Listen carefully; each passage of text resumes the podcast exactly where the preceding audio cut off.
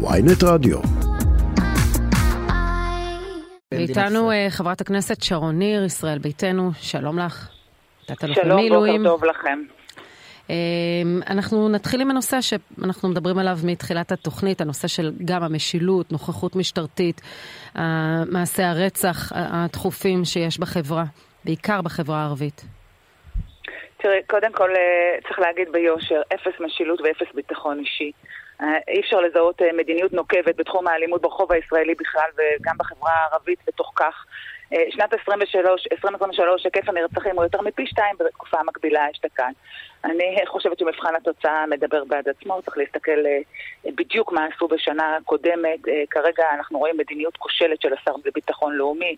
אה, המדיניות, כדאי שיתעשת, ייקח את עצמו בידיים, יקבע מדיניות שתהיה מתורגמת לתוכנית עבודה, לשיטה, לבניין כוח, יקבעו לכך משאבים, יקבעו לכך יעדים ספציפיים, בין אם זה באמת איסוף נשקים, שזה, שהם התחילו בזה, אבל זה רחוק מלהיות מספיק, וגם זה טיפול במוקדי, במוקדי אה, את יודעת, מוקדי בעיות ספציפיים. ברגע שאוספים מודיעין אפשר לדעת את זה, ודרך כך לטפל בזה. כרגע אנחנו לא שם, אפשר לראות את זה גם בתוך אלימות כנגד נשים ועוד ועוד. לצערי הייתה לנו, הייתה לנו שיחה באמת קשה עם חסן, אה, לא רק הבוקר, אלא גם לפני בערך חצי שנה. כשחבר שלו, עיתונאי אחר, תושב אום אל-פחם, נרצח בביתו אחרי כתבה שהוא כתב, אה, על ידי משפחות פשע במגזר הערבי, וגם חסן עצמו היה מאוים. ו- ו- וזה היה בתקופת הממשלה הקודמת. כלומר, הבעיה הזאת, אין ספק שהיא חריפה ב- ב- בנתונים ביזאריים השנה, אבל לאורך השנים האחרונות יש עלייה עקבית במספר מקרי הרצח בחברה הערבית, ברמה שהיא מעל לכל פרופורציה. אני לגמרי מסכימה איתך, ישי, זה בעיית עומק, אבל בעיית עומק מצליחה, מצריכה טיפול נוקב. ואם הצליחו איכשהו לייצר את הכמויות ואת ההיקפים בשנה קודמת, יתכבדו בבקשה הממשלה הנוכחית שהבטיחה, זו הייתה הבטחת הבחירות שלה, זה היה קמפיין הבחירות של בן גביר. זה, הוא כבר לא קמפיינר. מן הראוי שייקח אחריות ויתחיל לטפל בדברים. מה אפשר לעשות? הרי מדברים על כך, הם כל הזמן אומרים סבלנות, כי אנחנו מחכים שהתקציב יעבור, וכך כמובן יעלו שכר גם לשוטרים וגם יצליחו כן. לגייס עוד שוטרים.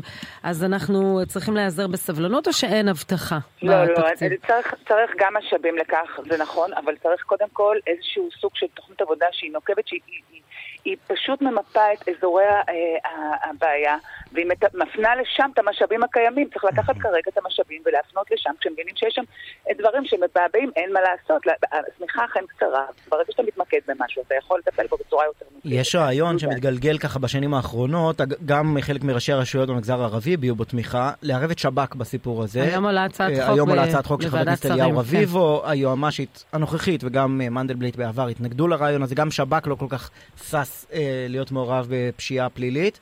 אה, מה עמדתך?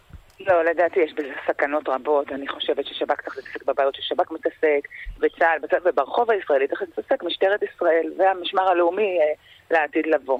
צריך אולי להפנות לשם יותר משאבים, אבל לא לערבב בין חלקים. אבל, אבל, אבל דיברת על המודיעין, ובדיוק בנקודה הזאת יש לשב"כ... יש מודיעין משטרתי, יש כן, מודיעין אבל יש לשב"כ יתרונות שאין למודיעין המשטרתי, והוא יכול אולי להביא, את יודעת, הישגים יותר איכותיים ומהירים. בחזית הזאת? תראה, אני חושבת שיש בכך סכנות רבות. בסוף אה, שב"כ זה שיטות אחרות לגמרי, זה ייעוד אחר לגמרי. אנחנו צריכים רגע להיות מאוד מאוד מפוקחים באופן שבו אנחנו מטלטלים באלימות אל מול אה, אה, אויבים ש, ש, שזה משהו אחר לגמרי.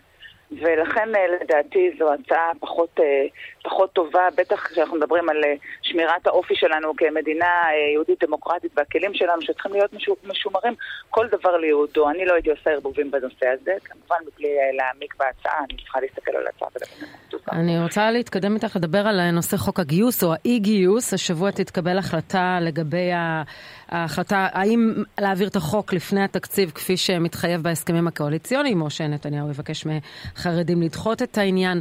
אה, אנחנו כבר די תמימי דעים שצה"ל לא צריך את כל החרדים. השאלה מה קורה, איך שומרים על עקרון השוויון ואיך דואגים שאולי הם ישרתו שירות אזרחי. את כבחירה באכ"א לשעבר, האם זה נכון האקסיומה שאנחנו די נשענים עליה? תראה, אה, שרון צריך להגיד ביושר, הדרישה של החרדים כרגע וההיענות של אה, נתניהו זה לא פחות ממקומם, כי אם מדובר על חוק שמעגן השתמטות, מלבין אפליה ומנציח אי שוויון בחברה הישראלית, צריך להבין את זה. זה הרעיון. עכשיו, משנת 2002 מדשדשים עם חוק גיוס בצורותיו השונות, אנחנו לא ניכנס כרגע להיסטוריה, אבל אנחנו צריכים להחליט דבר אחד מאוד מאוד פשוט. שכולם צריכים להיות שווי חובות במדינה הזו, כשם שכולם נהנים מהזכויות שהמדינה הזו מעניקה, ולכן אנחנו, מפלגת ישראל ביתנו, מדברים כבר מיום קיומנו על חובת שירות לכולם.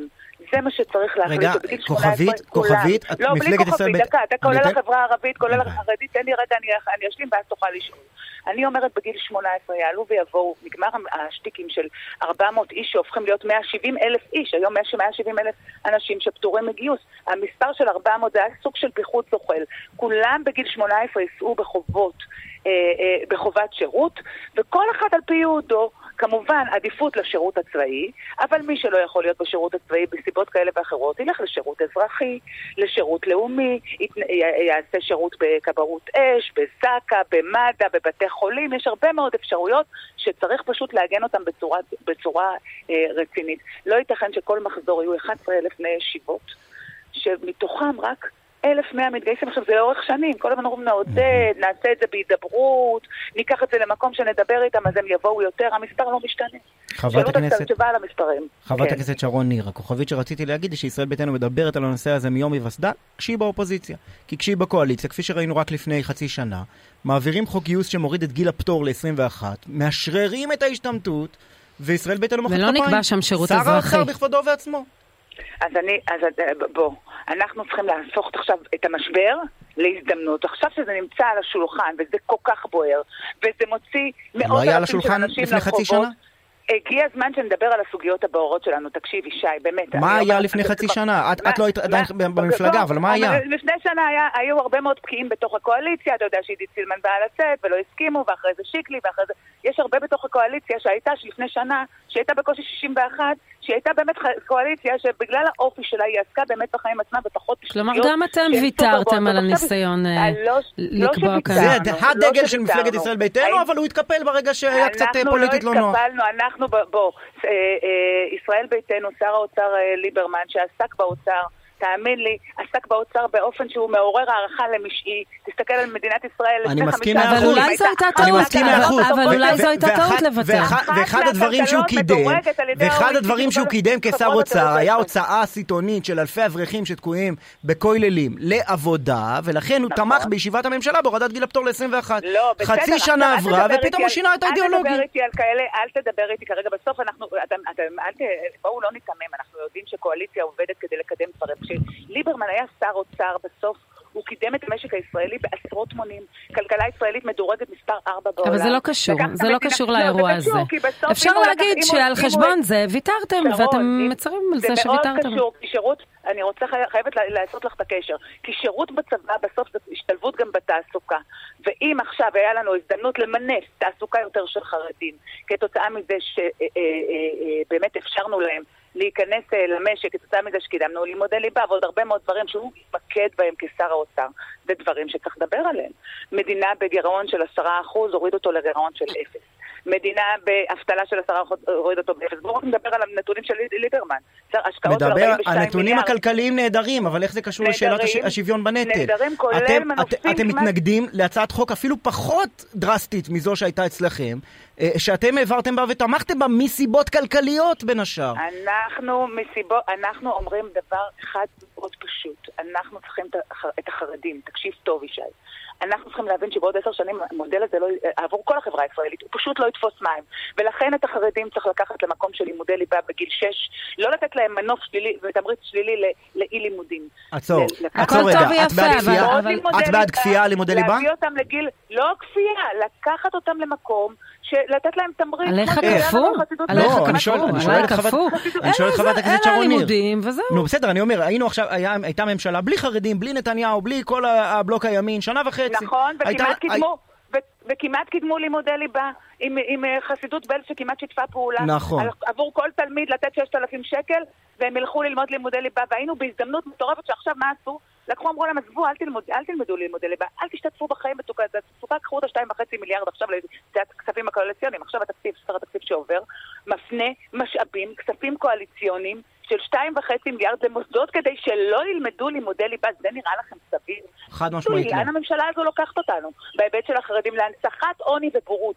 זה מה שאנחנו הולכים, בדיוק למקומות האלה. שזה שערורייה, לא, לא עבודה, לא תעסוקה, לא צבא, לא שוויון בנטל. תגיד לי, תגיד לי, זה נורמלי שהילדים שלי אני... ילכו, יתגייסו, יבינו שזה חלק מהחובות שלהם, יתנדבו, ילכו לשירות קרבי, ילכו לשירות לקצונה וכן הלאה, והיתר יבינו שזה כאילו חלק בלתי נפרד, וזה for granted, גם נעגן את זה בחוק. חד משמעית זה לא נורמלי, גם לתפיסתי, אני רק שואל. אז האם... צריך להגיד ביושר שאת הנושא של הציבור החרדי, אגב, מי, ש, מי שמפריע לציבור החרדי זה לא הציבור החרדי, זה ההנהגה של הציבור החרדי.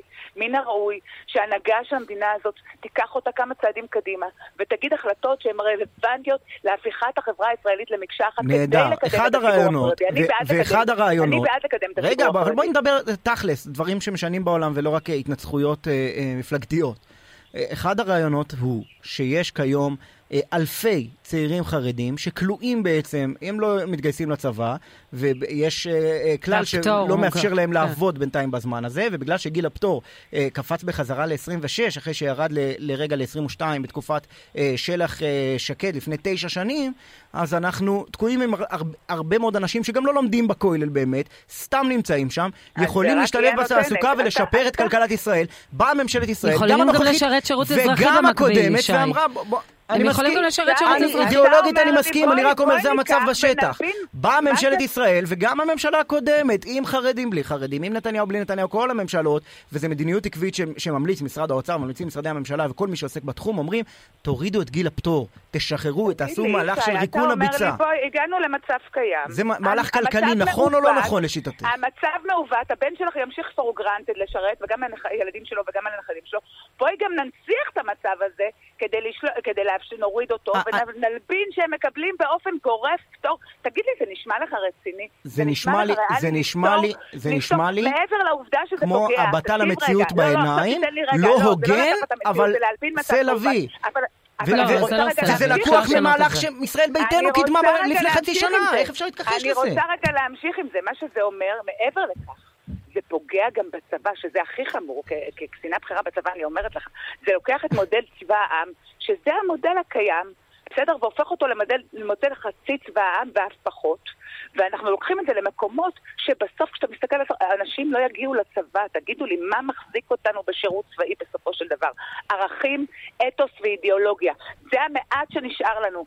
זה הסיבה בסוף שאנחנו אה, אה, מתקיימים כאן כחברה. האיומים לא הולכים וקטנים, האיומים על מדינת ישראל רק הולכים וגדלים, אתם יודעים את זה. תסתכלו על כל החסידות ותסתכלו על, על, על ההתראות שמדברות על התלכדות רב-זירתית. אז אנחנו בתוך המציאות הזאת גם נוריד את, אה, אה נחליט שאוכלוסייה אחת בגלל שלאורך שנים דעת ככה נלבין מצב ונפתור אותה באופן גורף ונשנה לגמרי את האופי של הצבא ונפגע גם בצבא. מה השתנה מהממשלה הקודמת לממשלה הזאת, בסוגיה הזאת? מה השתנה? חברת הכנסת שרון ניר, את נעלמת לנו מהקו לרגע, פה איזה כשל טכני. מתנצלת. אני אומרת שאנחנו צריכים לא להכניס את עצמנו לתוך איזשהו סד של פוליטיקה קטנה. אתה לוקח אותי לפוליטיקה, הם עשו ככה, הם לקחו ככה, הוא אמר ככה. אני אומרת לך, עכשיו אה, אה, אה, אמרת לי, שרון, סוגיות עומק, בוא נדבר סוגיות עומק. סוגיית עומק, חייבים להגיע לפתרון של הדבר הזה. חייבים. דמוגרפית חייבים, אחרת אנחנו בעשור הקרוב נשאל את עצמנו הרבה שאלות. ואם החזקנו 75 שנים מעמד, בזכות זה שהיה לנו אתוס ויש לנו אידיאולוגיה, ואנחנו לא מחליפים ערכים בכסף, אנחנו שולחים את הילדים שלנו... רק את לא עונה לשאלה ששאלתי. מה ההבדל בין הממשלה הקודמת שהציעה חוק גיוס כזה, לבין הממשלה הנוכחית שמציעה חוק גיוס כזה, אותו דבר? אני אומרת לך שאני חושבת שהחוק הזה הוא פסול מעיקרו. וישראל ביתנו עשתה טעות שתמכה בו בהחלטת הממשלה בממשלה הקודמת? אני אומרת, תקשיב, עכשיו קודם כל הם רוצים לפתור לגמרי, הם רוצים להוריד את זה גם לגיל 21, זה לא היה על הפרק. לא, הם רוצים להוריד את זה לגיל 22, הממשלה הקודמת רצתה להוריד את זה ל-21. ולהוריד את זה, החליטה. ולהוריד את זה, בסוף להביא את זה למצב שיפתרו באופן גורף אוכלוסייה שלמה, מעבר לעובדה שבעיניי זה חוק כן, את יודעת, מותר גם להגיד שבגלל האילוצים של הקואליציה, כפי שאמרת, ובגלל מה שנקרא תעדוף, הנושאים הכלכליים והנושא האוצר, ליברמן עסק בזה. היום, כשאתם מסתכלים על מה קרה, אתם בוודאי אולי מצטערים שהעניין הזה לא הוסדר בתקופתכם, ואפשר גם לתקן.